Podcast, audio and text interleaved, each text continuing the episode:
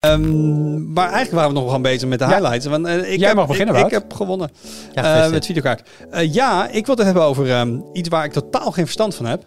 Maar wel een mening over. Dat,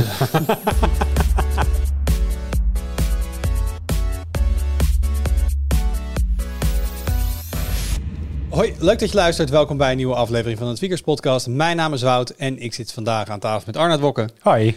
En met Jurien Nubachs. Hallo. En dat zijn gelijk Hoe is alle, mijn haar? Het waaide buiten heel hard. het zijn gelijk alle mensen die hier op kantoor zijn, want de rest die is niet naar kantoor gekomen. ik kwam letterlijk, want we nemen het ook veel later op daardoor, dat mogen mensen best weten. En ik Ja. kwam dus als eerste van, van ons drie, kwam ik, van de redactie kwam ik aan.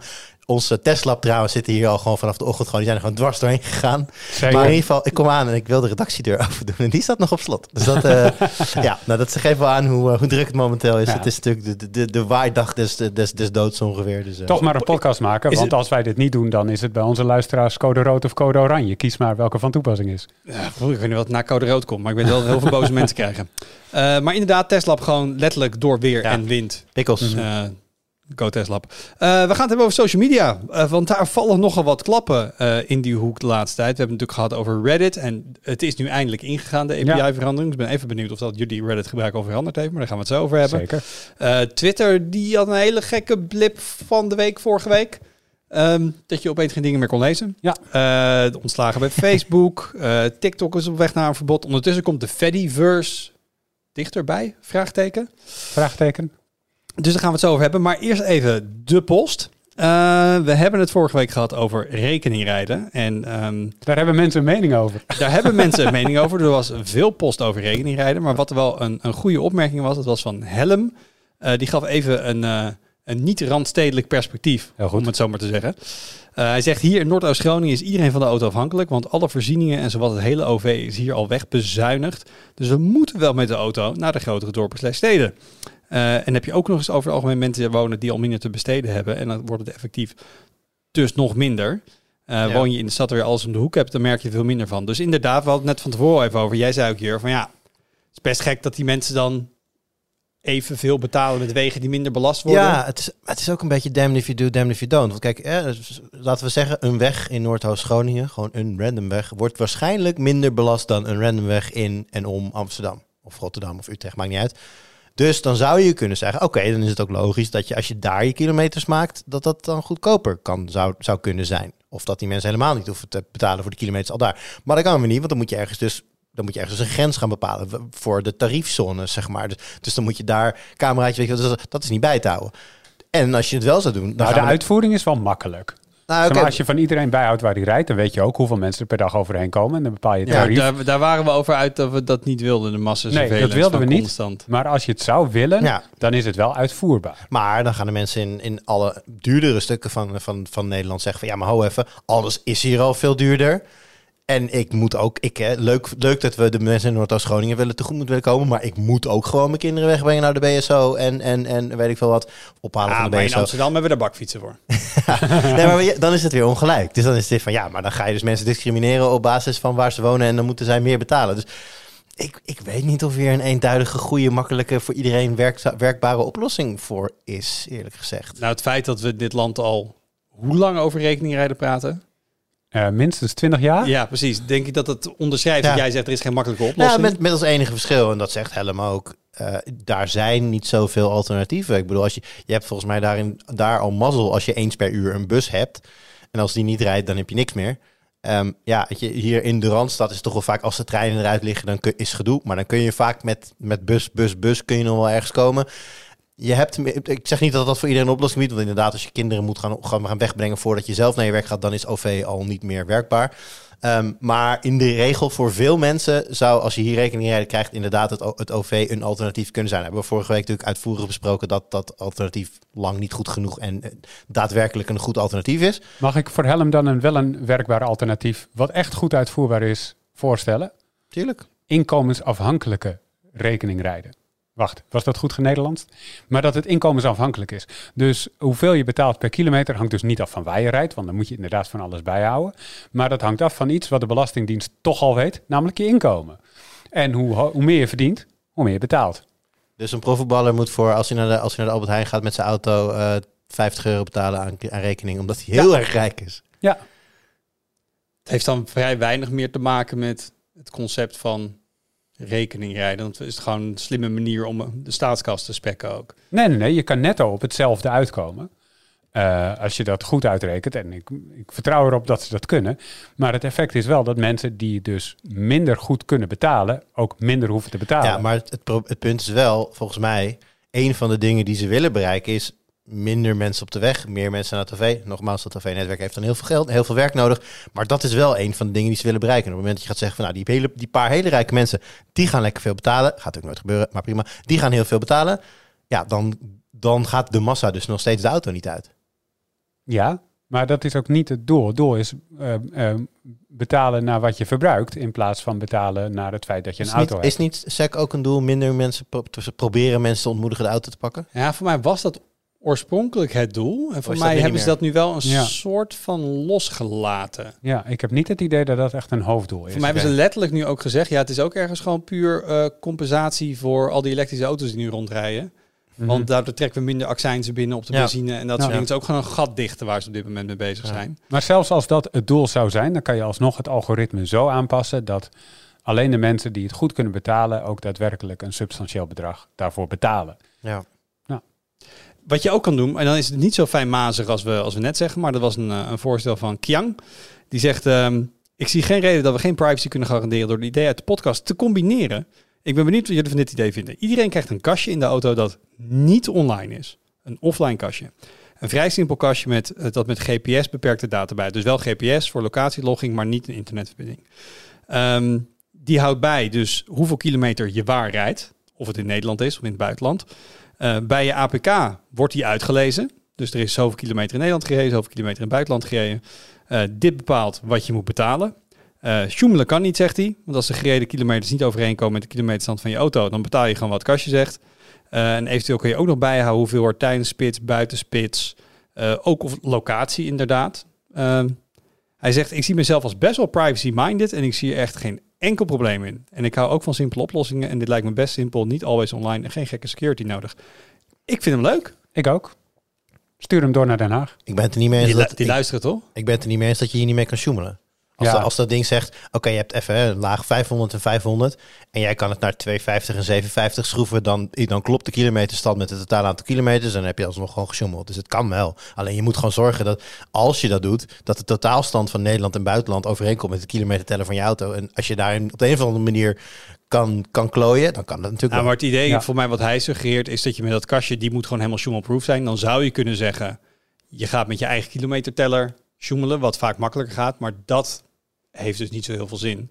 En zo'n kastje zelf, dat moet gewoon een soort Ja, hermetisch gesloten zijn. En Maar je weet dat je nu, wat je nu zegt dat dat een utopie, utopie is, toch? Als je een kastje in een auto zet, dan en, je, en zeker als je erbij zegt dat het, dat het sjoemelproof is, dan zijn er een heleboel mensen in de wereld die heel, gaan, heel hard aan de slag gaan om te laten zien dat dat zeker niet er zo zijn is. allemaal mensen die heel veel op tweakers zitten. Dus dat Tuurlijk, is dan... maar fraude is er altijd. Maar het Nee, gaat maar erom of dit in, in de basis een goed systeem zou, is. zou jij hier, ik, ik zou het niet erg vinden als dat ding Nee. puur en alleen gewoon GPS-data logt. Ja. En dat ze dat een soort geaggregeerd uitlezen. Van je hebt zoveel kilometers in Nederland of zoveel kilometers tijdens de spits gereden. Ja. Ehm, ik vind hem wel goed. ja, ik vind, ik vind het ook echt een heel goed Ja. idee. Ik, zie Nou, alleen, ja. ik zie alleen een mogelijk probleem voor mensen die bijvoorbeeld echt heel dicht bij de grens wonen, waardoor de GPS-bepaling soms, maar dat zijn hele kleine Alle, alle kleine En, uitvoeringsdingetjes. en ja. tegenwoordig GPS en auto's is echt tot op ongeveer de meter nauwkeurig. Dus dan moet je wel echt heel Ja. erg op de grens. Het Ja. enige is, het, het mooie aan gewoon puur naar kilometerstand kijken is, we hoeven er technisch helemaal niks voor te doen. Mhm. En dit gaat toch weer uit. Er moet een kastje ontwikkeld worden. We krijgen een aanbestedingstraject. En dan gaan iedereen gaat dan. Wie gaat Ja. die kastjes betalen? Moeten ze daar zelf voor betalen? Gaat de overheid ze schenken? Dan moet je dus bij miljoenen auto's kastjes gaan inbouwen. Ja, Ja. Ehm, het, zodra je dus verder gaat dan kilometerstand bijhouden. Of je doet het extern met camera's. Maar je verplicht om dingen in je auto in te gaan bouwen. Dan wordt het echt. eh nou, dan heb je denk ik weer gewoon afdelingen van 200, 300 man bij de overheid. Die puur alleen erop zitten om te zorgen dat dit blijft draaien. Eh, waarom is het nooit een zwart-wit en gewoon een goed idee? Waarom is Nou, het ik, dan vind, weer... het- ik, vind het een redelijk, ik vind het een redelijk goed idee hoor. Dit. Oké, Maar ik denk dat je heel veel bureaucratie hieromheen gaat krijgen. ja, lijkt me wel. Eh, en dat, dat moet je allemaal weten. Eh, even kijken. Wouter die zegt eh, over glasvezel. eh, joh, laat de overheid lekker doen. Daar kwam het eigenlijk om neer, TLDR. Want de vitale infrastructuur is toch aan overheidshanden. Eh, is glasvezel eigenlijk ook niet gewoon vitaal? Ehm, en als het bij de overheid ligt, is KPN niet, zo, niet meer zo machtig. Het is ook niet zo dat de Volkswagen de A10 in eigendom heeft. En dat Citroën of Tesla moet betalen, betalen voor het gebruik van Volkswagen. Dat klopt. Eh, en misschien kom je op een gegeven moment op een punt, met, nou, misschien zijn we er al met internet, dat het eigenlijk zo vitaal is inderdaad. Ja, Dat je zou kunnen zeggen dat ja, maar het waternet gaat ook via de overheid, toch? maar het was zo. Zeg maar, dit is uit handen gegeven. Dit is met opzet geprivatiseerd. Want alle kabelnetwerken en alle kopernetwerken waren in overheidshanden. Maar KPN, vroeger PTT, is geprivatiseerd in jaren 80, 90. Hetzelfde geldt voor al die kabelorganisaties die bedrijven zijn geworden en daarna allemaal bij, bij Ziggo terecht zijn gekomen door, eh, door al die concentraties. Ja, maar we kunnen dat prima weer terugdraaien. Gewoon even Zeker, dat toegeven kan. dat het geen goed idee was. Zeker, dat, dat zou kunnen. Maar, zeg maar dit, dit was dus zo eh, en nu is het niet meer zo.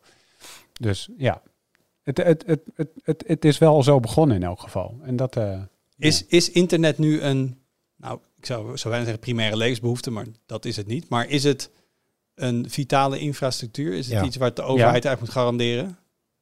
ik weet niet of de overheid het dan moet garanderen. Het is vitale infrastructuur, daar kunnen we het wel over eens zijn. Ja. En is het dan niet gek dat je het zo erg aan de markt overlaat? Ja, dat is wel gek. Zijn, maar zijn die leveranciers niet ook gewoon gebonden aan wetten zoals dat ze dat alle huizen op de een of andere manier voorzien moeten kunnen zijn van internet en dat soort dingen? Nou, die regels zouden er wel kunnen zijn. En eh, er zijn bijvoorbeeld regels rondom mobiele dekking, om maar eens wat te noemen. Volgens mij zijn er ook regels rondom het vaste netwerk. Ja, nou als ik het vergelijk met, met, met, met televisie, ehm, Nederland 1 of, of NPO 1 is volgens mij onze nationale rampenzender.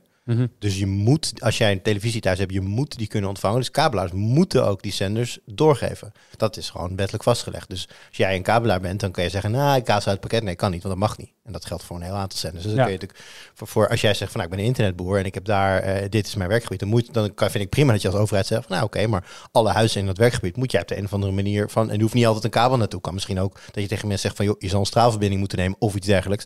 Maar Ja. je moet in ieder geval dingen kunnen bieden voor elk huis in Nederland. Ja, ik, vroeger noemden wij dit nog wel eens de digitale snelweg. Mhm. Ehm, en ik denk als je het door die lens ziet, ik bedoel, de, de overheid bouwt ook wegen waar van alles overheen kan. En je zou ook kunnen zeggen, ja, die zorgen ervoor dat er tot aan jouw huis een kabel loopt van iets. En daar mag, mag iedereen allemaal dingen over gaan sturen en aanbieden en abonnementen op aanbieden, weet ik niet wat. Maar de infra zijn. Ik zou het niet gek vinden. Nee, ik zou het ook niet gek vinden als het nog zo was. Maar ze moeten ook nog een heel rekeningrijdensysteem uitdenken. Dus we hebben het wel even druk. Ehm, we hadden het tenslotte over, over eh, niet tenslotte, we hadden het ook over eh, betalen met lege telefoons. En er werd even gezegd door eh, Benji87, dat kan dus blijkbaar met een iPhone. Tussen haakjes, hij vouwt niks meer aan, dat klopt. Mhm. Ehm, maar als je een betaalpas hebt ingesteld als een Express Travel Card, dan kan je die gebruiken zonder authentic- authenticatie. En ook als je telefoon leeg is, wist je dat? Ja. Waarom zei je het vorige week dan gewoon niet even? ja, dit- Flauw. ja, vind ik wel flauw. sorry, het- dat ontschoot me. Maar toen hij het zei, dacht ik gelijk, ja, dit heb ik wel zien langskomen in keynotes. En toen dacht ik, ja, dit werkt inderdaad zo. Maar ik had wel ergens in mijn hoofd van, als je telefoon leeg is, dan kun je nog steeds dingen met de NFC-chip. En dat heb ik wel gezegd. Ja, inderdaad. En wat ik trouwens wel, ook uit, nog uit mijn iPhone-experiment, eh, je kan veel minder op iOS met de NFC-chip dan op Android. Ja. Ehm, want tot voor kort eh, parkeerde ik altijd hier in de Q-Park. En toen heb je op een gegeven moment de deur standaard dicht gedaan. Dus dan moet je, ja. Dus dan moet je bij zo'n eh, terminal moet je of een QR-code in de app scannen. Maar met Android kon ik gewoon NFC-chips tegenaan. En dan blijkbaar activeerde dan de Q-Park-app. En elke keer als ik met die iPhone dicht bij die NFC-reader kwam, Op je betaal-app. Ja. dan opende de Apple Wallet. ja, ik heb, dat deed hij bij mij dus ook. Je hebt dus een QR-code, die moet je laten zien. Maar als ik dichtbij kom, opent me... Dus op een gegeven moment kwam ik achter dat als ik gewoon zeg maar een betaling autoriseerde, doet hij de deur open. En ik, voor zover ik gezien heb, ging het nooit van mijn rekening af. Dus hij Hmm. herkent dan toch wel dat ik een, een abonnement heb of zo. Ik weet niet precies hoe dat werkt. Nee, want ik stond op een gegeven moment ook met die QR-code dan dichterbij, dichterbij, scanteam, scanteam, shit, Ja. Apple Wallet. En dan, Ja, maar goed, als je dan dus op dat moment je Apple autoriseert, dan doet hij de deur voor je open. Dus Ja. ik zeg, ah, oké, prima. Als, ik- als, ik, als ik afschrijvingen zie, dan, eh, dan, weet, dan, dan moet ik dat fixen. Maar tot nu toe werkt dat. Oké, ik sta niet meer in de Q-Park. Ook niet. Ook oplossing. Eh, dan tot slot, eh, Gojira die, eh, heeft het over een opmerking van Satya Nadella. We hebben het natuurlijk gehad over hè, de hele rechtszaak, de gift that keeps on giving. De rechtszaak rondom Activision en de overname door Microsoft.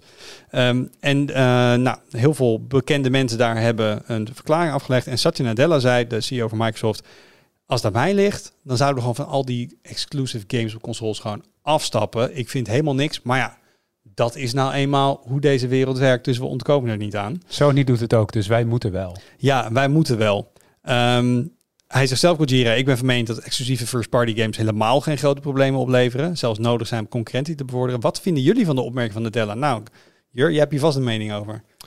Ehm, Console exclusives, nou, laten, we, laten we vooropstellen, als hij zegt Sony doet het ook, dus wij moeten ook, dan heeft hij gelijk. Mhm. Simpel. Als zij, als zij zeggen, ah, weet je wat, uit de goedheid van ons hart gaan wij al onze Xbox exclusives eh, ook op PlayStation uitbrengen. Dan, als je dan moet twijfelen tussen een PlayStation 5 of een Xbox Series X, nou, dan wordt de keuze Moet vrij makkelijk een gemaakt voor enorme je. fanboy zijn over Ik Xbox. wil net zeggen. Dus inderdaad, eh, dit, dit vaak, we hebben het hier vaak over gehad. Op het moment dat mensen vragen, wat is beter, een PlayStation of een Xbox? Dan zeg ik meestal, hangt er een beetje vanaf wat je wil spelen, waar je vrienden op zitten, weet je wel, dat soort dingen.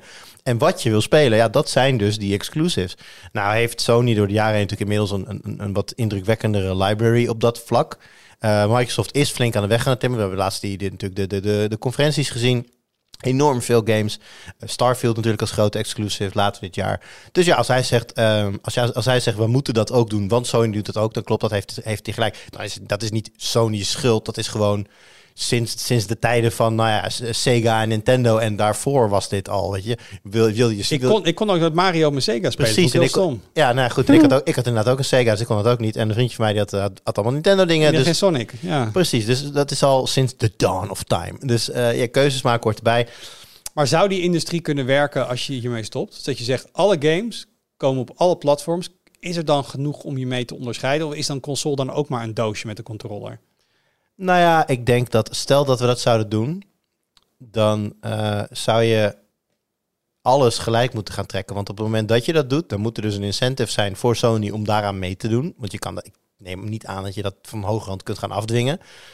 Ja, wat Sony dan gaat doen, is ja, dat is lekker. Dus alle, alle, alle, eh, eh, alle games zijn dan overal beschikbaar. Maar Microsoft heeft wel een enorme infrastructuur liggen als het gaat om streamen gamen, eh, de hele Game Pass. eh, nee, maar dat is precies een beetje mijn vraag. Gewoon, het is hypothetisch. Stel, er komt nu een wet en die zegt... je mag geen exclusieve games. Je moet ze ook op alle platformen uitbrengen.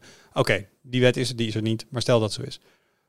Kun je dan überhaupt nog onderscheiden Ja, als jawel, consolefabrikant? gebeurt nu ook al. Kijk, op het moment dat er een multiplatform game komt, zoals bijvoorbeeld, neem bijvoorbeeld EA's games, die komen na verloop van tijd in Game Pass. Niet bij een release, maar EA en Microsoft hebben een deal. Dus je weet, als jij FIFA, wil- nou, vroeger dan FIFA, inmiddels een nieuwe naam, maar als je die wil spelen, dan en je hebt een Xbox en je hoeft hem niet per se op day one, nou, dan kan je, dan kan je ook, dan kan je misschien beter Xbox gaan gamen, want na een paar maanden kun je hem gratis spelen dan. Dus, die, dus die, ze kunnen nog steeds wel zeggen van, nou, oké, we doen eh, alle games op alle platformen, maar op je eigen platform kun je hem gratis aanbieden. Ja, dan gaat het ook meer gaan Dus dat- richting dat de, abonnementsvormen. Ja, dus dat zou je natuurlijk wel kunnen doen. Net zoals dat je misschien wel bepaalde films of series op een bepaald platform gratis en op een andere platform tegen betaling zou kunnen krijgen. Dat soort, dat soort dingetjes. Maar Want lijkt me niet dat, dat je echt het gaat winnen op onze gamepad is zoveel beter dat Nee, mensen voor nou, onze... maar PlayStation heeft momenteel een vrij goede gamepad. Daar ben ik erg fan van. Maar, maar goed, tegelijk, dat je dat zou zeggen. tegelijkertijd vind ik de Xbox Series X als console beter. Dus dat, eh, ja. Maar nog wel een andere vraag, Jur. Want ik, ik had het idee dat, en verbeter me als het niet zo is, want inmiddels is dat de, de- de- de klassieke geschiedenis.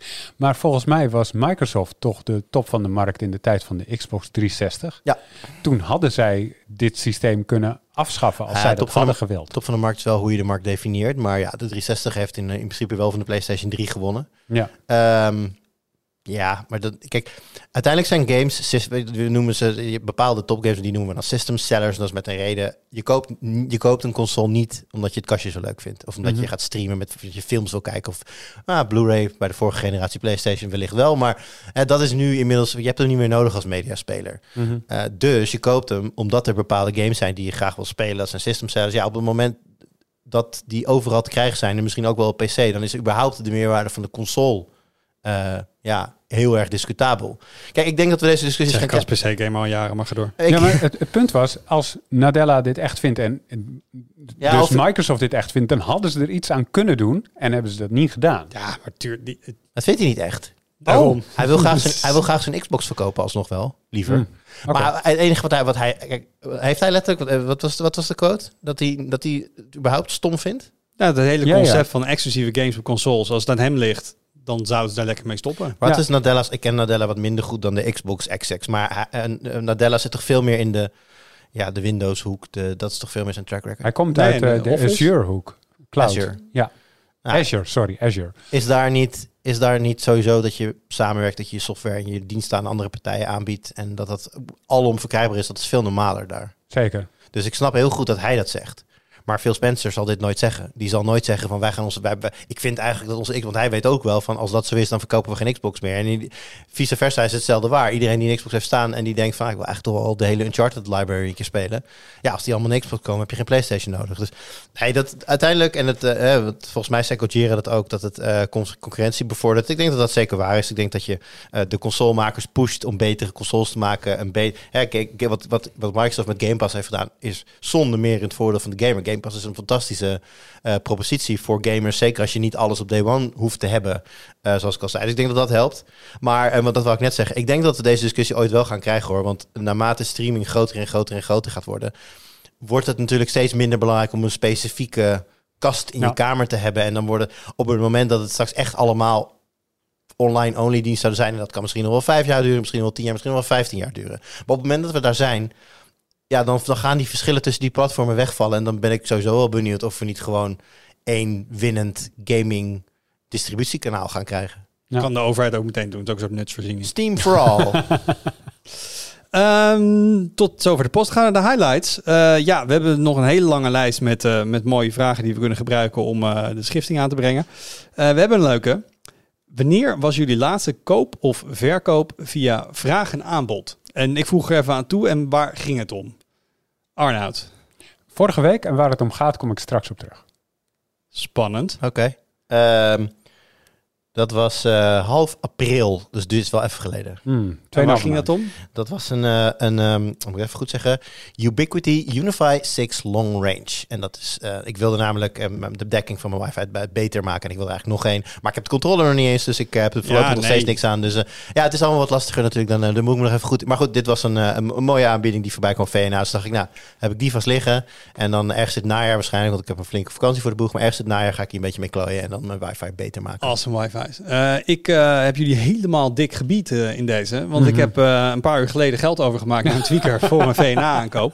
Heb je dit gedaan voor of nadat je deze vraag zag? Ja. Ervoor. Ik Ervoor. kan net zeggen. Keuren we ik- dit goed, Jur? Wacht even, ik ga nu heel snel iets op eh, Ja. VNA. Nee, ik was, ik was op zoek naar iets. Ik heb dit weekend heb ik geboden op iets, maar die was net voor mijn neus weg. En toen zag ik iets. Nee, ik heb een. ehm, ik was op zoek naar een, goed, een snelle, doch goedkope, zuinige videokaart. Mhm. Eh, ik heb thuis een servertje, die draait gewoon de hele dag door. Ehm, daar staan van alles, allemaal diensten op te draaien. En ik wil graag, natuurlijk, daar kom ik weer. eh, ik wil van Google Home af thuis voor al mijn eh, s- eh, smart home dingetjes. En goede stemherkenning is gewoon nog heel erg rekenintensief op dit moment. En je Ja. hebt nu van OpenAI heb je Whisper, dat is een model daarvoor. En dat kun je vet goed op een GPU draaien, als je dat enigszins snel wil doen. Als je het op de CPU gaat draaien, dat duurt eeuwen om dat elke keer te herkennen. Mhm. Uh, dus ik zocht een kleine videokaart die niet te veel verbruikt, die dus in mijn thuisservertje past, op de huidige voeding, ja, ja, ja, ja. Dus dat is een GTX 1070 geworden, dat is een oud beestje. Nice. Ja. Dus ik heb een, een kleine, want hij mag ook maar 210 mm lang zijn, anders past hij niet in het kastje. Dus ik heb nu een GTX 1070 gekocht, zodat ik eh, kan gaan spelen thuis met eh, AI-stemherkenning voor mijn smart home aansturing. Nice. Zou je dat on-brand of is dat on-brand? Ja, dat is helemaal goed. Wil jij nu nog vertellen wat je dan, of is, komt dat zo meteen? Ik wil het ook. Ik, ik dacht misschien ook een onderdeel van de highlight, maar ik heb ook een gewone highlight. Het is een telefoon. Joh, ook on-brand. En, en mijn, eh, mijn pixel werd eh, helaas veel trager dan ik wilde. En ik kon dat niet fixen. En toen dacht ik, weet je wat, ik ga lekker op VNA en kijken wat er is. En eh, ja, ik heb er een gevonden. En nu kan ik het gelijk zeggen. Jullie kunnen het ook raden. Aan de grote grijns bij jouw gezicht te zien, wil je graag dat wij dit gaan ga raden? maar raden. Stel me vragen waarop ik ja of nee kan zeggen. En dan kom je er vanzelf, denk ik, redelijk snel achter. Is het een Android-telefoon? Ja. Sorry, ik was nog aan mens of dier aan het nadenken. Dus ik, ben niet, eh, ik ben nog niet op de juiste pagina hier. Eh, is hij van Google zelf? Nee. Is die van een Koreaanse fabrikant? Ja. Je hebt een Samsung gekocht. Mhm. Aha.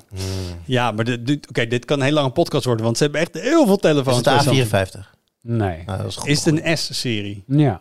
Ja, Oké, vertel is, eh, ja, is, het de, is het de S23? Is het, Nee. de S, is het de S22? Wel die serie. Is het de S22 Ultra? Het Dit moet echt zo'n fascinerende Zeker. podcast zijn om naar te luisteren op dit moment. Zitten mensen in de auto te Kijk. schreeuwen? Oh, dit is zo leuk. Ja, ik hoor het pennetje. Het pennetje. Dat Een beetje. S-pen ASMR. Ja. Ja. Dus je hebt geen Apple Pen? Maar Ja, een Samsung S-pen. Ah, gefeliciteerd. Ja, mooi is dat. Ai, ai, ai. Dankjewel. Blij, jongen? Leuk. Heel, ja, ik ben helemaal blij. En een van de... Wel flinke jongen. Dat, eh, Het is een flinke jongen, zeker. Ik hou van grote telefoons. Wat ik echt helemaal tof vind, en dat wist ik niet zozeer. Ik wist het wel, maar ik had er nooit zo bij stilgestaan. Ehm, vroeger heette dat Bixby-routines. Nu heet het gewoon standen en routines. Dat is gewoon ehm, Tasker, maar dan ingebouwd in de telefoon. Dus gewoon if this then that. Eh, Ik denk dat de echte. Tasker-fans nu met fakkels naar je huis komen. Dat zal vast niet zo uitgebreid zijn. Oké, er zit een hoop grijs tinten tussen. Maar het is, het is wel, je kan wel echt leuke dingen doen. Ehm, simpele dingen als als je verbindt aan mijn auto, start dan die en die apps op. En zorg dat hij de navigatie alvast even, even laat en zo. Dat soort dingen. Ehm, maar ook wat ingewikkeldere dingen, zoals als ik een video-app start en die kan je dan selecteren. Eh, zet dan de schermfrequentie naar 60 hertz, zodat hij wat accu spaart en niet de hele tijd naar 120 hertz gaat, terwijl hij daar toch niks mee kan doen. Dat soort dingen zitten er allemaal in. Ik heb een, eh speakersetje thuis, die heb ik eh, uit de tweedehandswinkel een Bluetooth bordje aangehangen met een versterker erin. Dat is een hartstikke leuke speaker, alleen die kan veel te hard. Zeker als kinderen slapen, dan wil je die niet op hard volume aan hebben. Dus nu heb ik iets draaien dat die standaard, had ik in Tasker ook, als hij eh, dat Bluetooth-apparaat herkent, eh, het volume naar 15% zet, of zoiets, of 10%, heel laag. Eh, dus dat soort dingen zitten er nu allemaal in. En daar ben ik helemaal happy de peppy mee. Duurde wel een week om hem in te stellen. We hebben, we hebben gewoon echt een enorme Samsung-fan hier zitten opeens. Het lijkt er een beetje En nog op. ineens Sam- een Bixby-fan. Ik weet niet of we ooit eentje ontmoet Nee, want het, het heet geen Bixby meer. Oké, sorry. En je hoeft Bixby niet eens meer te activeren om dat te doen. Ik zal hem weer wegstoppen, want het is een enorme aanwezigheid op tafel. Het is vooral een soort van iemand die nu heel erg in de, ha- in de home automation is. Ik denk dat jij de voetsporen van jouw, van jouw buurtman eh, gaat, eh, gaat volgen. Yes, yes. Mm. Join the dark side. Ehm, maar eigenlijk waren we nog gewoon bezig met de Ja. highlights. Want, eh, ik Jij heb, mag beginnen, ik, ik heb gewonnen Ja, eh, met videokaart. Eh, ja, ik wil het hebben over ehm, iets waar ik totaal geen verstand van heb. Maar wel een mening over. Dat, dat geldt voor de meeste mensen ter wereld, denk ik. Dat is Ehm, sowieso heel Nederlands. Ja, precies. Je gaat van de ene expertise rol in de andere expertise. Maar dat is de hele discussie dat er vanuit de overheid een advies is gekomen, niet een verplichting, maar een advies, eh, aan scholen om tablets en telefoons te verbieden in de klas. Wacht, hier wil ik gelijk op inhaken, want dit, hier, hier vind ik iets van. Ehm, deze, deze bewoording komt van de NOS. Eh, die Ja, hadden er is een afspraak gemaakt. Jazeker. Ja, maar dat zijn verschillende dingen. De NOS heeft dit op deze manier als pushbericht naar iedereen Ja, gestuurd. er is geen verbod. Zeker, er is geen verbod. Dat is prima. Dat kan er wel komen. Ehm, maar het is ook niet echt een advies vanuit de overheid richting scholen. Dat is niet wat dit is. Dit is een afspraak tussen allemaal organisaties die rond het onderwijs zitten. Dus alle vakbonden, de, de, de, de leerlingenorganisatie LAX, die eh, normaal alleen hoort rond de eindexamens. Ehm, maar ook de, de bonden voor, voor leraren dus. Eh, de, de ouders zijn erbij betrokken. Kortom, een hele grote groep van organisaties die met z'n allen de afspraak hebben gemaakt vanaf 1 januari zijn mobieltjes, tablets en smartwatches in de klas verboden, tenzij het noodzakelijk is in de les of het is medisch noodzakelijk. Maar het is opt-in in dat opzicht. Of heeft elke school van heel Nederland heeft zich gecommitteerd? Niet elke school, maar die organisaties wel. Dus als scholen dit niet doen, dan hebben ze echt een probleem met al die organisaties die dus overal zitten. Bij de ouders, bij de leraren, bij de, de koepel van, van schooldirecteuren en weet ik veel wat. Dus daaromheen, alles rondom die school heen, die heeft al gezegd van dit moet je doen. Dus dan moet je als school wel heel sterk in je schoenen gaan, wil je dat niet doen. En Nou. bovendien, er komt een wet als het massaal niet gebeurt. Ja, het, het- gaat natuurlijk ook om ehm, zorgen dat er mensen zijn die dit al, die zorgen dat dit nageleefd gaat worden. Ja. Zeg maar de handhaving hiervan. Dat is, de, en dat is de enige drempel die ik zie, zeg maar, op het niveau van de scholen. Als een hele klas zegt van, weet je, als je het bij de schooldeur gaat regelen, iedereen levert zijn telefoon in, dan, dan zie ik het wel gebeuren. Want daar heb je gewoon, weet ik, misschien conciërge staan, misschien een extra beveiliger, wat dan ook. Als je het op docentniveau laat regelen, zeg maar, als je het lokaal inkomt en niet elke docent in de wereld heeft net zoveel overwicht over een groep 25, groep van 25 eh, puber, pubers, laten we daarop houden. Ja. Ja. ja, als die nou allemaal zeggen, nee, we doen het niet, dan kan ik me heel goed voorstellen dat er docent zijn die denken van, weet je, hou maar lekker bij je. Weet je, en Ja. dat, daar zie ik de, de moeilijkheid. Dus daar moet je denk ik wel ook vanuit die groeperingen over na gaan denken van hoe gaan we scholen helpen dit eh, te doen. Maar verder ben ik het met je eens dat ik niet denk dat scholen hier tegenin gaan. Nee, dat denk ik ook. Nee, ik vind hier wel mijn mening hierover is dat ik het heel goed vind. Mhm. Ehm, want als ik om mij heen kijk, ook gewoon niet alleen naar jongere generaties, onze relaties, onze telefoons zijn Ja, nee, echt, echt slecht. maar als je om je heen kijkt, dan zie je al heel veel dingen buitenschool. En dat is mijn mening hier eigenlijk over. En dat is niet helemaal mijn mening. Ik had hem een heel klein beetje van Alexander Klupping. Zat toevallig in een andere podcast waar ik deze week bij was.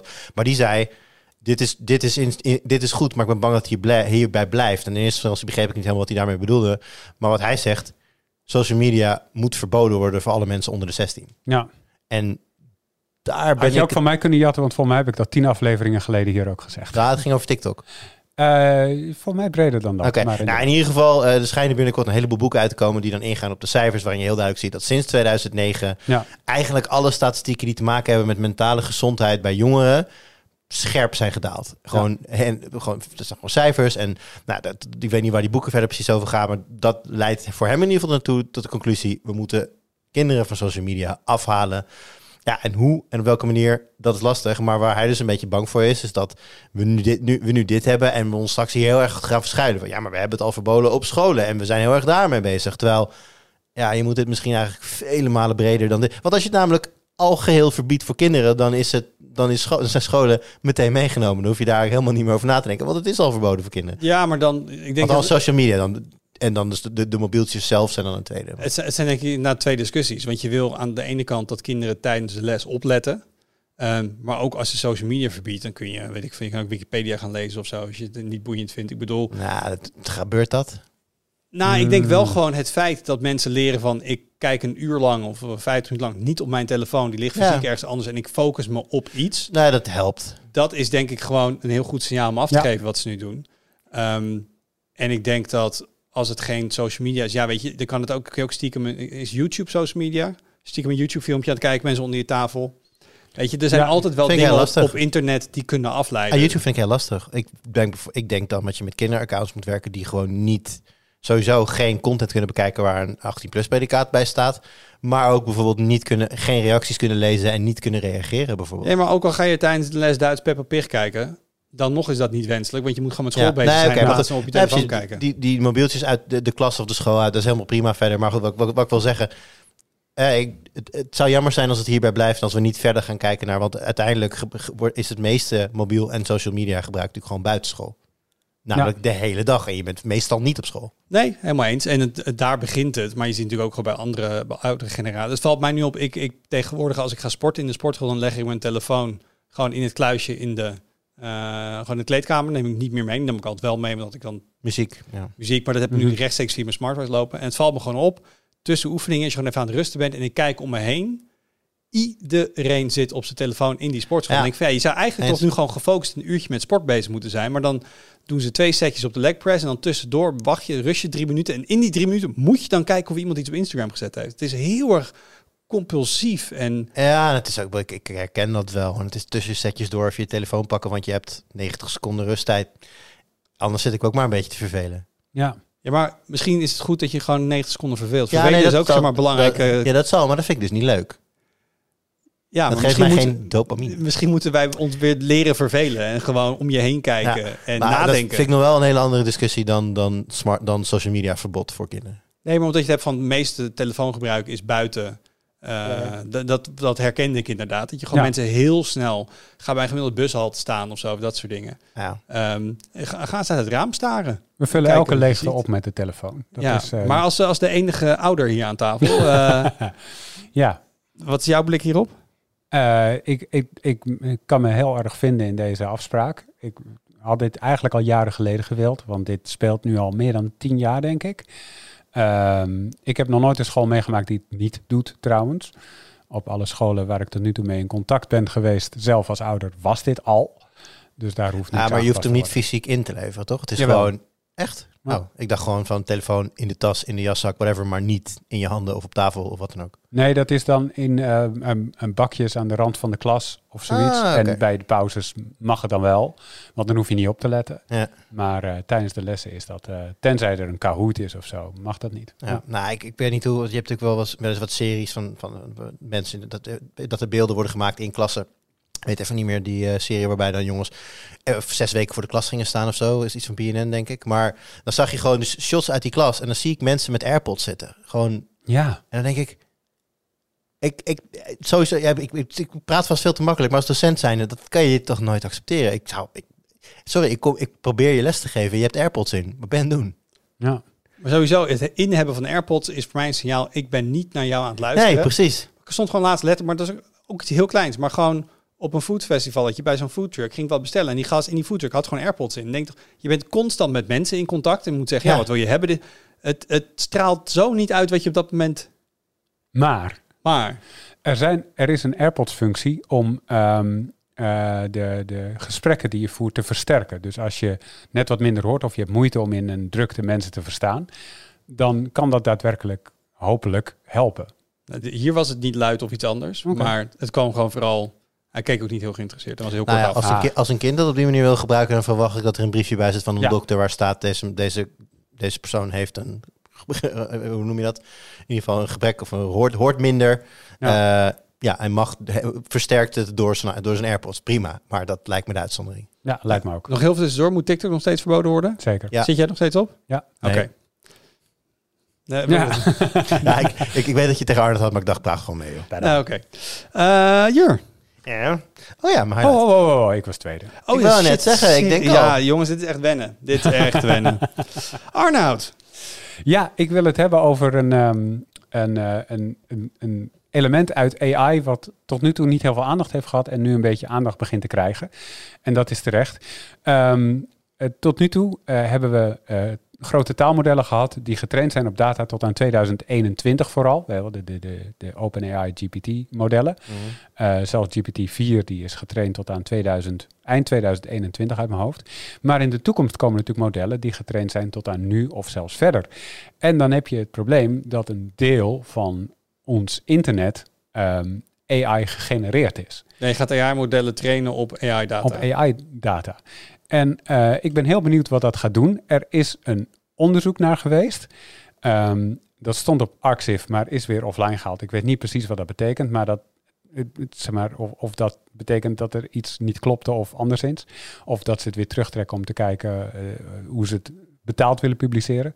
Ik weet niet precies hoe dat werkt. In elk geval, eh, die hebben gekeken naar hoe, hoe dat dan gaat. En die hebben geconcludeerd dat eh, de kwaliteit van het taalmodel ernstig achteruit gaat naarmate er meer AI-gegenereerd eh, materiaal in, in, in, in het trainingsmateriaal zit.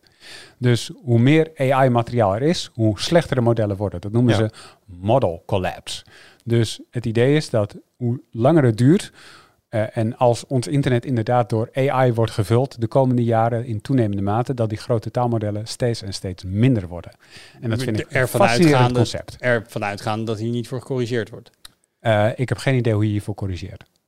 Nou ja, enerzijds omdat de vraag is of wij zomaar lukraak allemaal AI-dingen, gegenereerde dingen online zetten zonder attributie. Of dat daar misschien niet wetten voor komen. Dat dat inderdaad Ja. erbij moet komen te staan of in de metadata moet komen te zitten.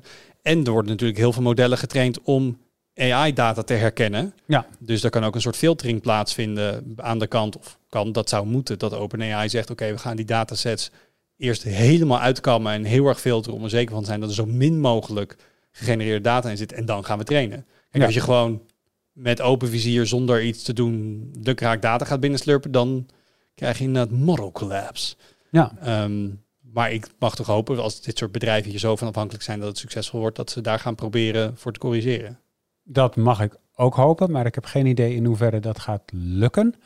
En, eh, en, en wat dat precies gaat doen. Want het is, het is nu zo makkelijk om tekst te genereren. Ik kan me ook voorstellen dat er heel veel ehm, eh, Wikipedia-bijdragers zijn die denken al die lappen tekst, dat ga ik echt niet meer zelf maken. Maar Wikipedia is wel denk ik een van de primaire bronnen voor. Maar Wikipedia staat het officieel niet toe. Ja, Chat of de GPT-gegenereerde tekst. Dus ik denk dat een, een hele belangrijke ontwikkeling, een heel belangrijke deel van deze sector, wordt dus AI-herkenning in teksten. Ik denk dat, Ja. dat daar heel veel bedrijven rondom uit de grond, dat, dat, die schieten er nu al uit, maar daar eh, heel veel Ja. geld mee gaan verdienen. eh, om het kaf van het koren te kunnen gaan scheiden. maar tot nu toe lukt dat echt niet heel goed hè. Zeg maar, je, je kan als mens, kan je AI-teksten als ze een beetje lang zijn, dan haal je dat er meestal nog wel uit. Maar AI die AI-teksten herkent, dat is tot nu toe best wel lastig. Dat, gaat, eh, dat heeft een grote foutmarge.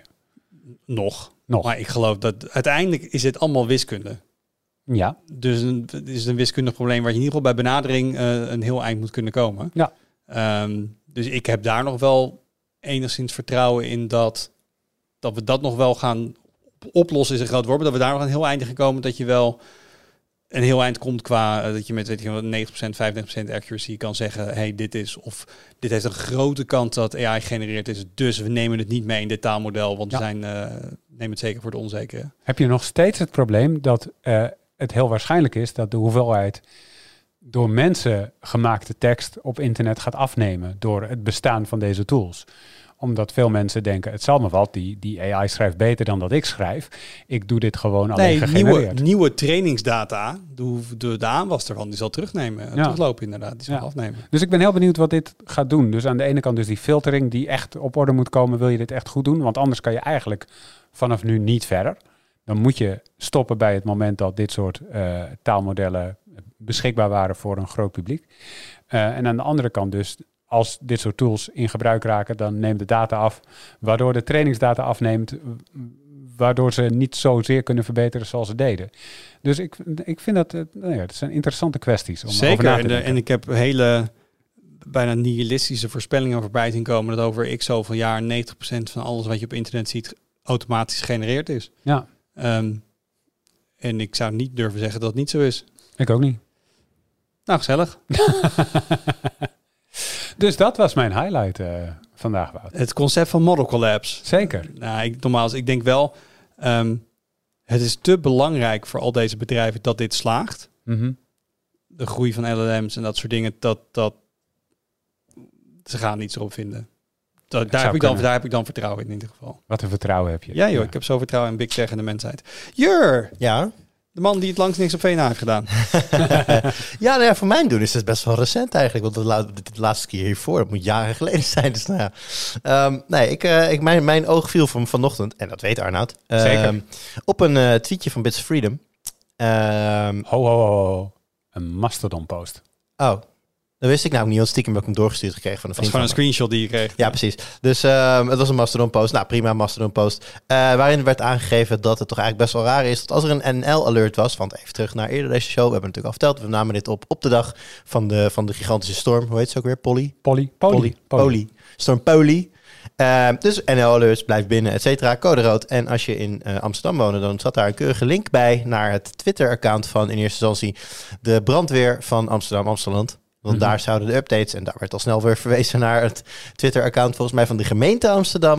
Nou ja, toen heb jij, eh Arnoud, eh, eventjes een navraag gedaan daar. En toen zijn ze er ook meteen weer helemaal heel snel mee gestopt. Ja. Want ze kwamen er eigenlijk op dat moment pas achter dat Twitter natuurlijk onlangs een, eh, ja, een, een wijziging heeft doorgevoerd. Dat je als je in- niet ingelogd bent, geen tweets meer kunt bekijken. Dat was vroeger wel zo. Vroeger kon je inderdaad, als je geen Twitter-account had, gewoon ja, het brandweeraccount, prima. En dan kun je daar updates lezen. Wat krijg je dan tegenwoordig te zien? Staat er ook letterlijk dat je moet inloggen? Ja, om niks. dit Je krijgt niks te zien. Je zegt, er staat letterlijk een, een wit vlak met login om Ja. Twitter, om tweets te bekijken. Oh, want ik had dus, toevallig was ik laatst in een browser niet ingelogd. En toen kreeg ik alleen maar gewoon foutmeldingen. Gewoon something went wrong, try again. En toen logde ik in, toen kon Ja. ik het wel zien. Dus ik vroeg me af, Hmm. is er überhaupt een officiële Volgens mij melding staat er nu wel een, mensen? een login Ja. om eh, een, een Oké. standaard foutmessage. Elke tweet gaat naar een loginpagina. Ja. Nou ja, goed, eh, dat, is een, dat was natuurlijk een leermoment voor. Want volgens mij zei de brandweer ook letterlijk, wij wisten niet dat Nee. dat niet meer kon. We checken niet elke dag of iedereen onze tweets kan lezen. Nee, nou goed, dus dat, ehm, maar toen, eh, dat was toen een nieuwsbericht over geschreven. En later dacht ik van, hé, wacht even, maar ik heb dit laatst ook meegemaakt. Toen reed ik in de buurt van Arnhem. Stond toevallig op het moment dat daar een grote uitslaande brand bezig was. Dat hele ja, dat, complex van, dat is volgens mij een hele rij huizen die toen in, eh, in de as Mhm. zijn gelegd. Het was een enorme rookontwikkeling. Dus iedereen daar in de buurt kreeg een NL-alert. En daar stond ook een link bij naar een, eh, naar een Twitter-account. Weet even niet meer welke Twitter-account. Maar toen dacht, dus ik dacht wel van ja, raar dat dat... Zelfs, zelfs als je zegt Twitter is wel openlijk beschikbaar... vind ik het nog steeds raar dat je voor NL Alert... wat het primaire eh, ja, communicatiemiddel is... als dus ergens een ramp aan het gebeuren is... waar je van af moet weten... dat je wijst naar een derde partij... en een commerciële partij... ook nog eens een partij waar het toch wel een en ander om te doen is geweest dit jaar. Gaan we het zo meteen nog over hebben. Dus ja... En het is ook niet de eerste keer, hè? Ik weet nog tijdens, eh, aan het begin van de pandemie had voor mij op een gegeven moment premier Rutte, die had eh, een update over iets op zijn persoonlijke Facebookpagina Ja. gezet. Dat was ook de enige plek waar je dat kon Ja. lezen. Ja. Ik van, Hè? Dat, maar dat, dat ze dan... Zou niet moeten kunnen. Nou, ik ben dus wel benieuwd, want we zijn natuurlijk vandaag eh, in, in ieder geval Noord-Nederland overal NL-alerts verstuurd. Ik ben wel even benieuwd. Als er mensen dus zijn die ook in hun regio nog links hebben naar, misschien als dat er echt heel veel nog blijkt te zijn, dat we daar nog een keertje wat dieper op moeten terugkomen. Kun je NL-alerts terugvinden in je telefoon? Nee. Nou nee, maar we kunnen natuurlijk wel. Weet ik niet. We kunnen natuurlijk, mensen hebben het gelezen, mensen hebben misschien zelf ook al screenshots Nee, gemaakt. maar ik, heb dus, ik zit nu voor mezelf te denken. Ik weet even niet meer of er een Twitter-linkje bij mij in de buurt was. Dus ik zou, het wel, ik zou hem eigenlijk wel terug willen lezen, maar ik weet niet of dat ergens opgeslagen Bij staat. mij niet, maar ik heb onmiddellijk een screenshot gemaakt vanwege de Ja. typo's die erin stonden. Ja, die typo's die waren mij ook opgevallen. Ja, maar, dus mijn highlight is misschien wel het meest nog gewoon een oproepje naar onze luisteraars. Laat even weten als we bij jou in de NL alert. We weten het, we weten het van, van, van Amst- van, eh, Amsterdam. Dus als je in Amsterdam zat, dan hoef je no need to reply. Maar andere, andere regio's, andere plaatsen, als daar nog wat meer is, dan wil ik, wil ik het eigenlijk wel even weten. Want Ja. misschien is dit daar nog wel eh, iets in waar we. Misschien moeten wij meer gemeentes nog wakker, wakker schudden. Laten we het daarop houden. Want eigenlijk moet, moet dit natuurlijk gewoon ergens in de Fediverse gepost worden. Ja, dit moet gewoon ergens op, eh, op een eigen Mastodon-server, niet bij dat blauwe vogeltje Of van Elon gewoon, Musk. doe, doe eens het gek. Het wereldwijde web, een webpagina kun je We natuurlijk hebben crisis.nl voor dit soort gevallen. bijvoorbeeld. Maar de, de, de Fediverse, ik vind het zo'n lekker leuk. Ik vind het zo'n leuk woord om uit te spreken. Ah, ik, vind, Eh, ik, ik vind kijk op crisis.nl voor updates al een betere dan kijk op at Ja. whatever voor. Ja. Ja, is ook zo. Eh, komen we zo op. Want eerst even het eh, social media debakel. Teloorgang. Is het dit, wat net een model collapse? Is dit misschien wel het begin van de social media collapse? Ik denk het wel, ja. Zeker. Oké, we hadden... Even eens mee. We hadden Reddit. Eh, daar hebben we het ook Nou, over we gehad. hebben nog steeds wel Reddit hoor. Nee, maar het, het Reddit-verhaal over de, de protesten, over het betaald maken van de API, over het sluiten van veel van de third-party apps. eh, dat ging per 1 juli in. Ehm, dus er zitten nu een aantal dagen. Maar ik vraag me even af voor jullie twee persoonlijk. Maak u nou de laatste week minder gebruik van Reddit? Is jullie favoriete Reddit-client nu eh, ten ondergang? Mijn favoriete Reddit client is eh, de officiële Reddit app. Dus eh, nee, oh, prima. Heel Ik- veel mensen ik die, nu, die nu echt niet Voor snappen. de duidelijkheid, voordat iedereen inderdaad van zijn stoel valt of, of van de snelweg afcrasht. Eh, ik ben echt een light user. Ik, ik, de meeste Reddit die ik, die ik eh, content die ik consumeer, consumeer ik omdat mensen me linkjes sturen van ah, dit is super grappig. Dus ik ben zelf niet geabonneerd. Ik heb, heb ik een account? Ik heb geen account. Dus nou, zover ik weet. Duidelijk. Dus nee, voor mij is het, mij raakt het niet. Ik vind, ik, ik, zoek gewoon dingetjes op en ik vind het prima. Arnaud? Ik was een groot liefhebber van Reddit is Fun. En ehm, ja, die, die werkt niet meer. Althans, hij werkt nog wel. Dus ik kan nog dingen lezen, maar je kan niet meer inloggen. En sommige dingen werken ook net iets anders. En weet ik veel. Er zijn allemaal dingen die het veel minder maken nu.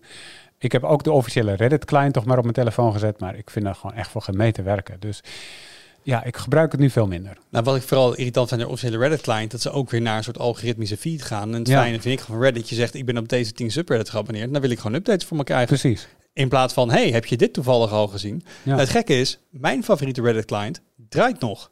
dat is Relay. Relay. En ik weet niet precies, ik heb wel een tijd terug iets van een, een, een bericht van de maker gelezen. En die, ging, nou, die, die had de rekensom gemaakt. En zeg maar, elke changelog-update van de laatste tijd, van nieuwe app-updates, was elke keer ehm, reduce the amount of API calls of nieuwe API call analytics ingebouwd. Die is heel erg druk bezig geweest om die calls omlaag te krijgen.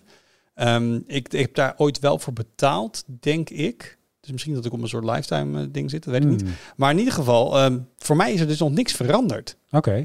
Waar ik dus heel blij mee ben, want als je eenmaal gewend bent aan een Reddit-app, dan is het heel lastig om jezelf daar los van te weken. Ja. Ehm, of hij nog daarmee doorgaat, dat, dat, nou ja, of dat voor de lange termijn is, dat weet ik niet. Dus ik, ik ben daar blij mee. Maar ik ben precies wat jij zegt, ja, de, officiële Reddit-app, nee, nee, dankjewel. Um, dus dat is wat er nu bij Reddit speelt. Twitter is dus helemaal langs mij heen gegaan. Ik heb jou daar volgens mij wel over zien tweeten. Ja, of ook zien toen, het, toen het kon. en zien slekken bij ons. Ehm, en misschien zit daar wat minder mensen op. Dus heel even kort, wa- wat speelde er bij Twitter en toegang daar? Nou ja, ineens eh, bleek, het is ineens, de, de meeste mensen het gewoon zelf aan de lijf hebben ondervonden toen ze een melding kregen. Iets met, je hebt de snelheidslimieten overschreden, zoiets dergelijks. Ben je geflitst? ja, nee, dat, maar dat stond er echt, snelheidslimieten. Ja, en rate limiting. in ja, Engels, en dat had dan te maken met het feit dat eh, ome Elon een, eh, een, een, een, een limiet had ingesteld dat zeg maar normale gebruikers die al een account hadden, die konden nog 600 tweets per dag lezen. En ik denk dat lezen zoveel is als je hebt ze ingeladen in je scherm, dan heb je ze gelezen. Ehm, Echt heel snel volgens nieuwe, mij. nieuwe accounts 300. En ik geloof dat als je dan een blauw vinkje had gekocht, dan mocht je naar 6000. Wat voor heavy gebruikers ook nog niet eens heel erg veel is. Maar als jij gewoon echt zo... Als ik een in- interessante tweet zie en ik zie dat hij al best wel veel reacties heeft, dan ga ik daar niet op reageren voordat ik heb gelezen wat andere mensen al hebben gezegd. Want ik vind het altijd een beetje dom om Ja. iedereen na te roepen. Dus, maar ja, als je dan een, een, een tweetje hebt met een beetje engagement en er staan 150 reacties die je dan zo'n beetje gaat doorscrollen, kijken of er iets interessants tussen staat, heb je in één klap 150 reads gebruikt. Nou, dat gebeurde dus uh, afgelopen weekend. En ehm, zondagmiddag viel het me op een gegeven moment. Had, ik zat zondag rond een uur of één alweer op die snelheidslimiet. Dus dacht ik, oké, nou, dit was het voor vandaag. En Wel super goed dit. Zoals, Ja, echt, hè? zoals, je, zo, nou ja, ja, maar zo werkt mijn hoofd niet. En mijn hoofd pakt mijn telefoon vol automatisch, klikt op Twitter en denkt dan pas, oh ja. En toen ineens werkte het op een gegeven moment weer. En nu moet, ja, ik weet niet hoe laat het was, maar een uurtje of twee, half drie viel het me van mij. Toen zette ik ook op Twitter van, hé, hey, die limieten zijn alweer weg, vraagteken. En toen kreeg ik allemaal mensen, nee, ze hebben het tijdelijk opgeschroefd, want mensen konden geen reclames meer laten zien en bla bla bla. Dat was natuurlijk ook, want als je niks meer nieuws kan inladen, zie je ook geen reclames meer. Dus, nou, dat... eh, en volgens mij, ja, ik heb geen officiële communicaties gezien of zo, maar ik heb- ben er sinds het weekend ben ik er niet meer eh, tegenaan gelopen. En ik ben toch wel best wel serieus twitteraar. Dus ik, eh, ik denk dat, die, eh, dat, dat dat idee weer gewoon van tafel is. Heb jij iets officieels gezien qua communicatie? Nee, ik heb wel gezien dat, eh, dat er, er diverse redenen zouden zijn. Ja, Want Elon zei zelf, eh, ja, dit komt omdat we scraping willen tegengaan van, eh, van, van onze tweets. En eh, nou ja, accounts die scrapen, die, eh, die zijn natuurlijk, eh, die, die lezen heel veel. Dus op deze manier ga je dat wel tegen. Maar er waren ook mensen die zeiden dat Twitter gewoon zijn Google Cloud contract niet had betaald. en dat daarom de capaciteit beperkt was. ja, en het moest ook meteen, het moest echt, ze moesten dan voor 1 juli moesten ze ongeveer echt alles eraf halen, want anders zouden ze betalingsplichtig zijn voor de volgende rekening. En die zou naar verluid een miljard dollar zijn. Dus Mm. Ik kan me goed voorstellen dat Musk heeft van... oké, nee, nu alles weg. Wat ik wel een heel grappige bijzaak vond hier... ik weet niet of ik dan op de zaak voor uitloop... maar dit, ehm, Twitter zal er niet heel blij mee zijn geweest... want het bleek dus dat de users een soort van werden afgesneden... maar dat de app wel continu zeg maar calls bleef versturen... om nieuwe dingen binnen te krijgen... maar dat werd geblokkeerd, dus dat ging steeds door. Dus wat gebeurt er dan? Ze dedelsten zichzelf eigenlijk met deze, Mm. met, met deze, door deze limieten. Eh, en dat schijn je vrij makkelijk eh, te kunnen zien ook als je, eh, als je ehm, ja, hoe heet dat? Als, als je de, de code van je webpagina inlaat, dan kun je zien dat dat gewoon ge- gebeurt, zeg maar. Dat je webpagina dat aan het doen is. Dat was heel makkelijk te bewijzen ook. Dus ja, nee, dat was misschien wel dat, de mooiste self-inflicted burn die ik de laatste tijd gezien heb. Namelijk Twitter die zichzelf dedos door, zijn, door geen tweets meer naar zijn gebruikers te sturen. Maar de belangrijkste wijziging is natuurlijk waar we het net al eventjes over hadden, dat je als niet ingelogde gebruiker geen tweets meer kan zien. Wat dit, want dat is een van de, de, de belangrijkste gebruiksscenario's van Twitter, is een soort van nieuwsvoorziening voor mensen. Ehm, eh, en de verwijzingen daarna, dat, is ook, dat gebeurt heel veel. En dat kan nu gewoon niet meer, want een deel van de mensen aan wie je dat dan stuurt, of, die, die kan dat niet meer zien. Dus het is niet een geschikt overheidskanaal meer. Niet, nee. Nee, Niet dat, dat dat, dat was al wel duidelijk, denk ik. Nou, vind ik op zich, even heel hard gezegd, dat een platform zegt: wij willen niet meer dat mensen die niet, die niet ingelogd zijn, die geen account hebben, mee kunnen lezen.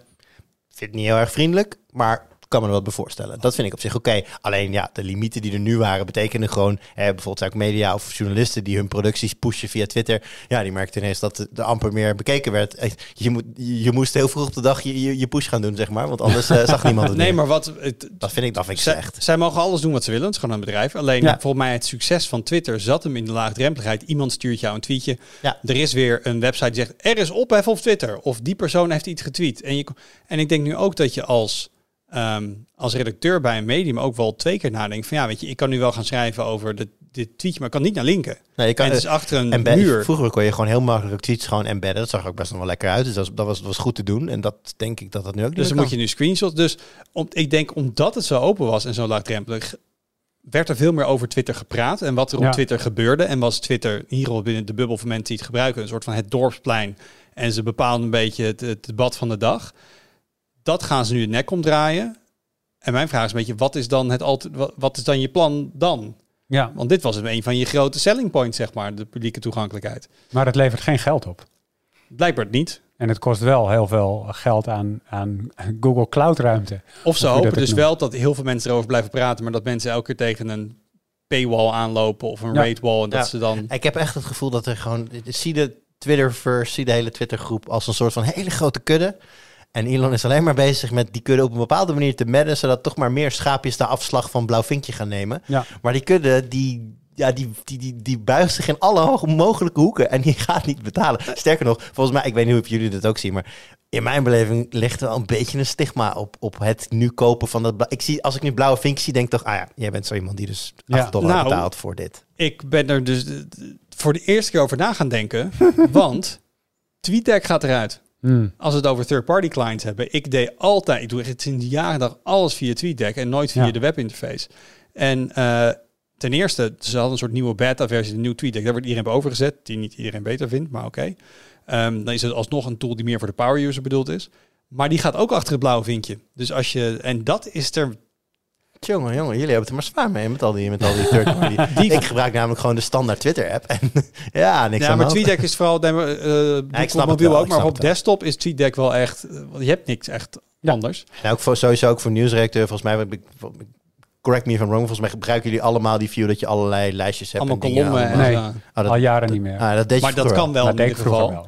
Eh, en ik denk dat dat misschien voor mensen een meer incentive is dan ik heb een vinkje staan of iets Ja. anders. Dat is gewoon functionaliteit die je nu weg gaat halen. Ja, maar wat je dus over de hele linie ziet, want je zegt terecht, Elon, die wil meer geld van gebruikers hebben. Ehm, het, is, het is wel eh, over, de, over de hele techsector heen, na corona, wat een beetje voor heel veel techbedrijven eh, echt de hoogtijdagen waren. Want iedereen zat Ja. ineens op internet en eh, de, de, De service rookte, maar voor de rest ging prima. Precies, de bomen groeiden tot in de hemel. Ehm, eh, daarna kwam natuurlijk de, de, de, de inzakking daarvan. En overal moest bespaard worden. En we hebben hele hoop ontslagrondes gezien. En die raakten consumenten en gebruikers nog niet direct. Nu zien we een soort van golf van dingen die eh, gebruikers dus wel raken. Ja. En ja, het, gaat allemaal uiteindelijk om meer geld Ja. verdienen. Want ze willen... En dat is raar, want weet je, ik zou me best kunnen voorstellen dat ik een paar euro per maand betaal aan Twitter. Ik zit best veel op Twitter. Mhm. Eh, we- het is nog steeds een, een nieuws, voor, voor nieuwsvoorziening is het best handig. Heel veel Amerikaanse sportjournalisten posten ook alles het eerst op Twitter. Ja, Daar breken ze hun nieuws, niet eens op de sites van ESPN of weet ik veel wat. Dus voor mij is het echt wel, ik zou het maar...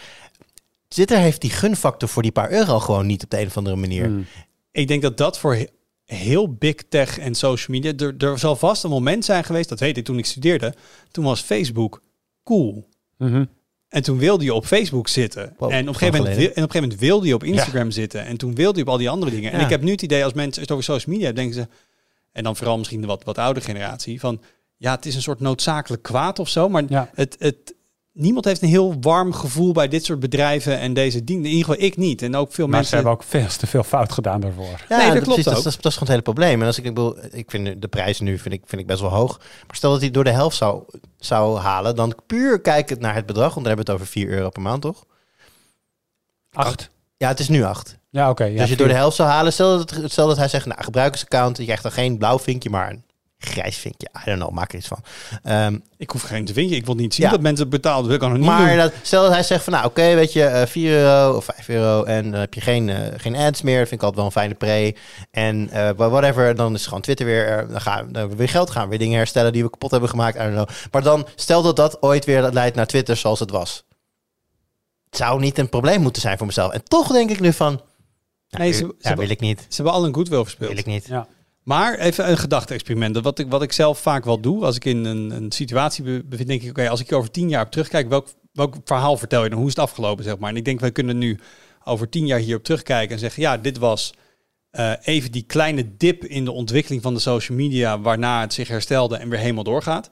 Mhm. Of we kijken hierop terug, oh ja, dat was het begin van de ondergang en we gaan naar een wereld toe waar dit soort social media van dit soort grote bedrijven niet meer bestaat. Het is gewoon een fase geweest in onze geschiedenis die ook een begin en een einde heeft. Wat denken jullie? Ik denk dat het eh, eh, richting het afvoerputje gaat.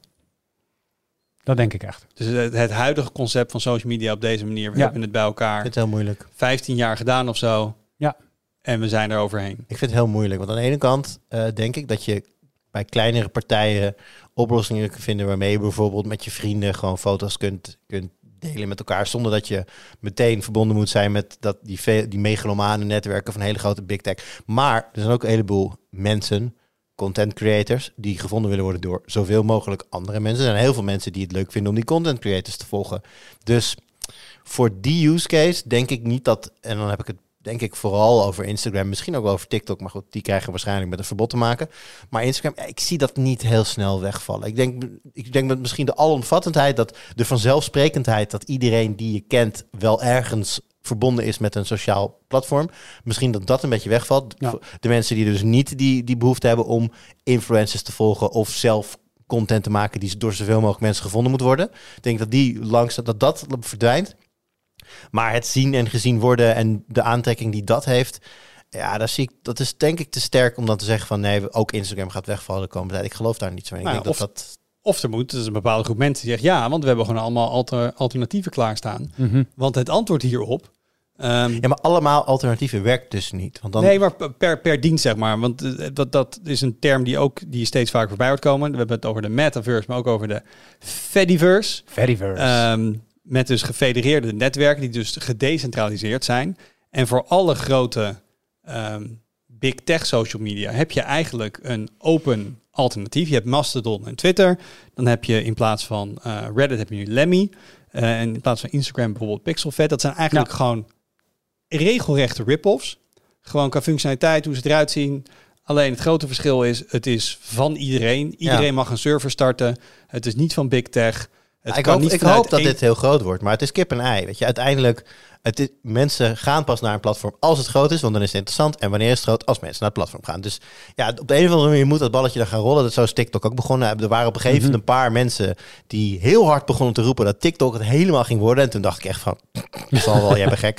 Maar uiteindelijk, nou, ja, zij kregen het voor elkaar. TikTok werd steeds groter en er gingen dus meer mensen naar TikTok. En nu zal elke social media kenner je vertellen dat je een TikTok-account moet hebben als bedrijf. Even los van de bezwaren die er zijn op ethisch vlak. Ja, dit is dit ook. Ik gun Mastodon, Lemmy, Pixelfed. Ik gun het allemaal. Ik gun het de wereld.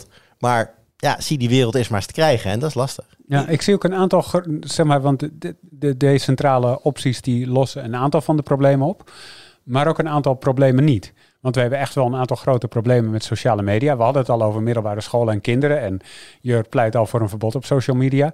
Dat lossen die decentrale opties lossen dat niet op. Want Nee, ze zijn dit, dit, precies gaat even puur, dit gaat puur over het weggaan. Ja, nou, ja, ja, nee. Het gaat puur over het weggaan bij Big Tech, in mijn punt. Ja. En de mensen die deze apps maken, omdat het geen commerciële instanties zijn, die zullen niet als KPI hebben zorgen dat de interface zo verslavend mogelijk is.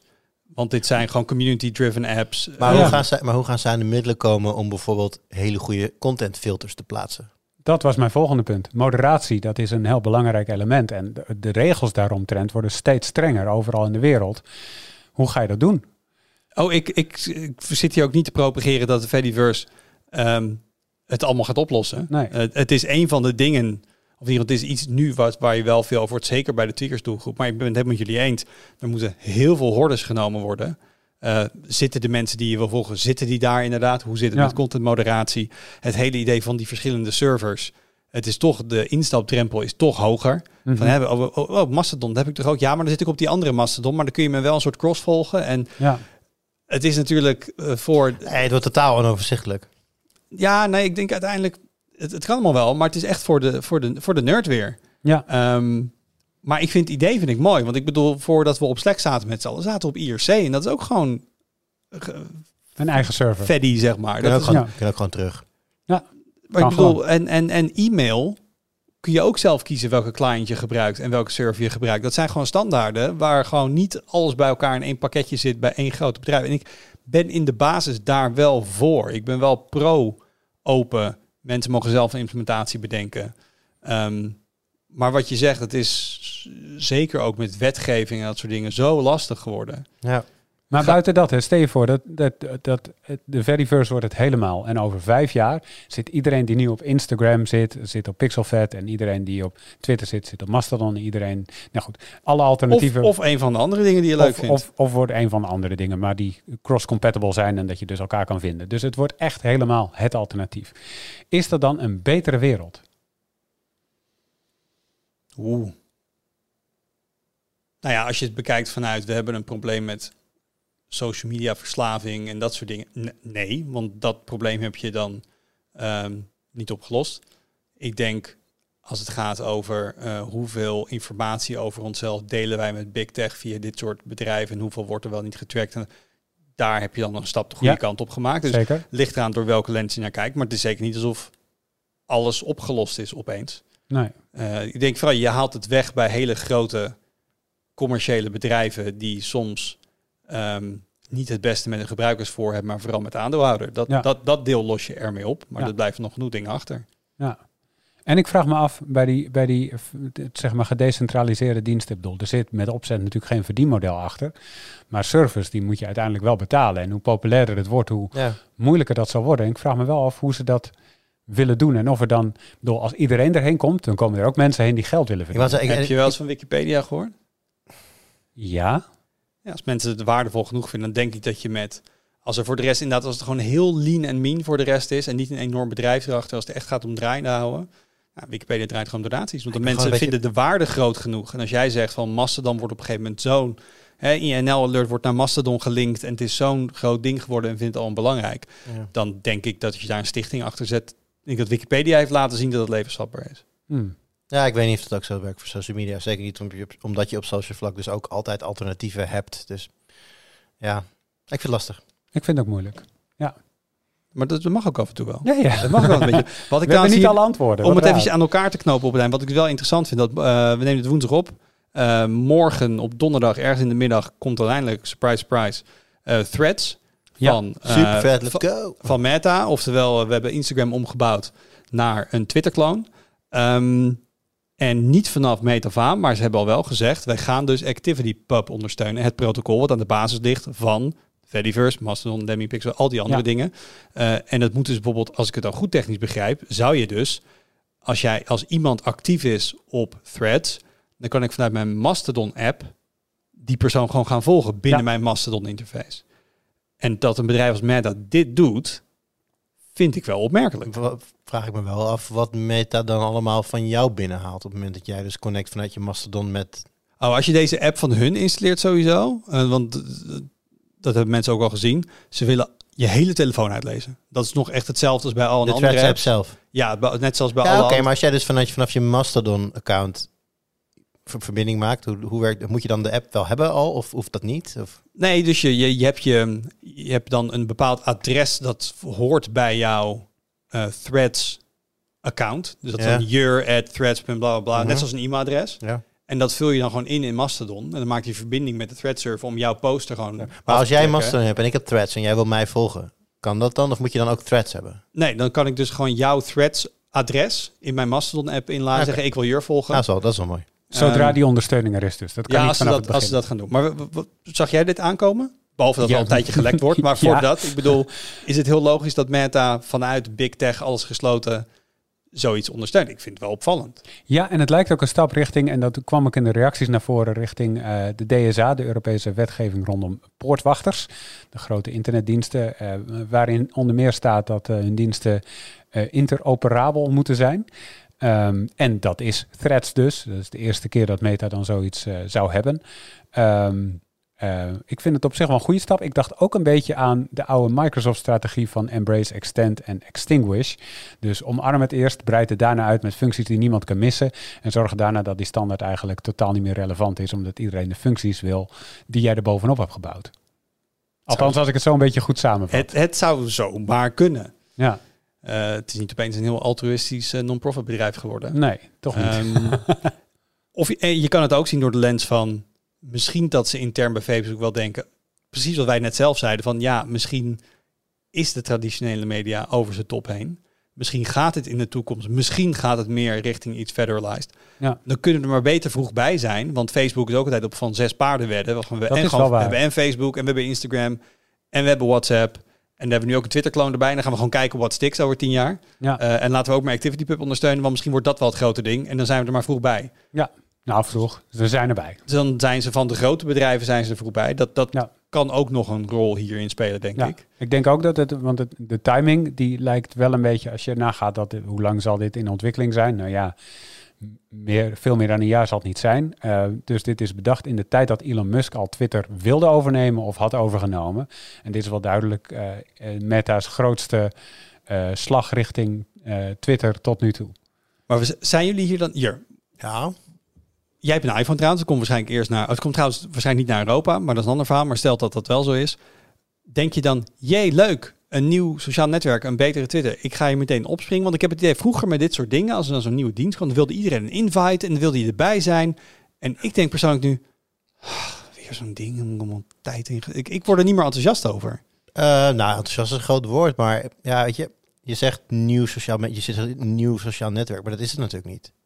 Want kijk, wat zou me tegenhouden om te registreren? Oké, ik wil ze mijn data niet geven. Ik heb Instagram, ik heb WhatsApp, ik heb, ik heb een Facebook account, ik heb een Meta, True. of sorry, Meta. Ik, heb, ik gebruik mijn Oculus, daar moet ik ook inloggen met mijn Meta. Dus ja, wat houdt mij dan tegen? Oké, wat je net zegt, dat, dat, dat, dat die app kennelijk je hele telefoon wil uitlezen, zou voor mij wel, dat zou een belemmering kunnen Maar zijn. dat doen de andere apps van Meta Kijk, als ze niks anders doen dan die dingen, dan heb ik dat al stilzwijgend heel lang geleden goedgekeurd. Dus dan is er voor mij, even hoe dom je het ook mag vinden, is er voor mij niet veel reden om te zeggen, ook ik ga Threads niet proberen. Dus ja, ik, ik- maar ehm, nee. Maar ik- ik word proberen is waarschijnlijk even inloggen. installeren, rondkijken, accountje maken tegen iedereen zeggen, oh, kijk, ik heb nu een Threads account. En dan, Hello world en dan drie, posten. precies, en dan drie weken en dan drie weken later concluderen dat ik eigenlijk nog steeds gewoon alleen op Twitter zit. Dat had bijvoorbeeld ook met Mastodon. Ehm, dat ging dan ook twee, drie dagen heel, eh, heel fanatiek in ieder geval eh, consumeren, nog ineens posten. En ik kreeg laatst via, via een, een, een Blue Sky invite, zeg maar de nieuwe Twitter-clown van, van Jack Mhm. Dorsey, ook af en toe opgekeken. Maar het is heel snel bij mij weer, ja, up en over naar de orde van Ja, de maar dag. dat is het. En dat, is, dat, eh, dat, dat voorbeeld gaf ik net met, eh, met TikTok. Zo, in die fase heeft TikTok ook gezeten. Dat mensen dan zeggen, je moet op TikTok gaan kijken. En dan ging je kijken en dan ging je registreren en keek je en zeg je, oh, dat zijn mensen die aan het dansen zijn. En dan leg je het weer weg. En nu, of nu, maar gewoon op een gegeven moment brak het door. En werd het, brak het ook heel snel door, werd het heel snel heel groot.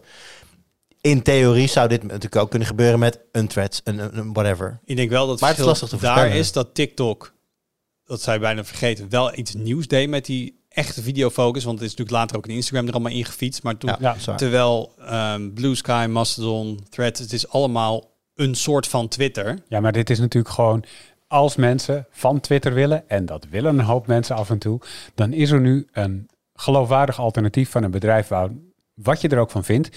Ze kunnen een sociaal netwerk bouwen. En het wordt iets, ja, iets, iets minder chaotisch gerund dan Ja. Twitter. Precies. Dus de- daar kan je wat meer vertrouwen in hebben dat het niet zo'n niet zo'n shitshow wordt als dat Twitter nu is geworden. Ja. Dus op het moment dat je dat vertrouwen zou kunnen winnen, mensen hebben al een Instagram-account. Ik denk niet dat je een nieuw account hoeft aan te maken. Ik denk alleen dat Nee, je nee, moet zeggen, ik op Threads. Ja. Ehm, dus het is heel makkelijk. Je neemt je volgers mee. Ehm, dus ik, de drempel is echt heel laag. Dus ja, van Ja. alle Twitter-alternatieven tot nu toe, ik geef dit wel een goede kans hoor. Maar even tussendoor, zit jij nog op Mastodon? Ja, Actief? Ook postend? Niet echt. Want Maar je was, je was op- lekker ook- bezig in Ook niet op Twitter. Nee, Dus- oké, dat maar je was in het begin wel echt eh, lekker bezig Ja. met Mastodon. Ja, maar ik merk dat het uit mijn dagelijks ritme is geslopen. En ik mis het ook niet echt. Ja. Nou, in ieder geval Threads. eh, ik zag net vanmiddag eventjes de webversie is al online.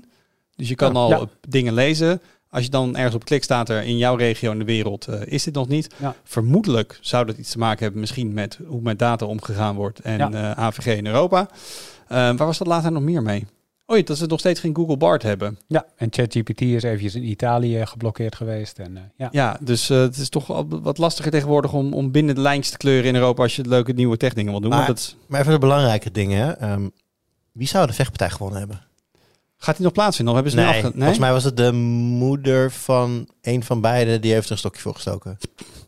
Wacht, dit moet je wel even uitleggen voor Ja, de dus Mark Zuckerberg en eh, Elon Musk zouden met elkaar gaan vechten in, ik, dat zal vast in het kader van iets van de UFC zijn gaan gebeurd of Dit zo. ging over threads inderdaad. Dat, ja, en toen, eh, ik weet niet hoe het zo gekomen is, maar er was sprake van dat er een vechtpartij zou komen tussen Elon Musk en Mark Zuckerberg. Nou, Musk die had eh, zoiets ge- getwitterd van als Zuckerberg al met threads achter Twitter aangaat, eh kom vechten dan. Fight me. Ja. en toen had Zuckerberg had dat op Instagram gepost als screenshot met erbij van oké, zeg maar Ja. waar en wanneer. Ja, het is de moeder, de moeder van Musk. De moeder van Musk heeft gezegd, dit gaat niet gebeuren. En daarna heb ik ook niks meer over gehoord. Dus Ik denk, het is even mijn, mijn prof- professionele mening. Ik ben niet bekend met hoe sportief Musk is, maar hij ziet er altijd uit alsof hij bijna een hartaanval gaat krijgen. ja, Dus ik- en Zuckie is volgens mij wel redelijk buff. ja, Zak is eh, heel fit en die doet ook aan, voor mij Muay Thai of zo, die doet aan... Jiu-jitsu? eh, Jiu-jitsu, die- jiu-jitsu volgens mij inderdaad. En daarnaast is hij heel groot UFC-fan, dus dat doet hij ook wel een beetje. Ja, En die heeft gewoon ja. filmpjes ook gepost dat hij gewoon echt wel aan het knokken is.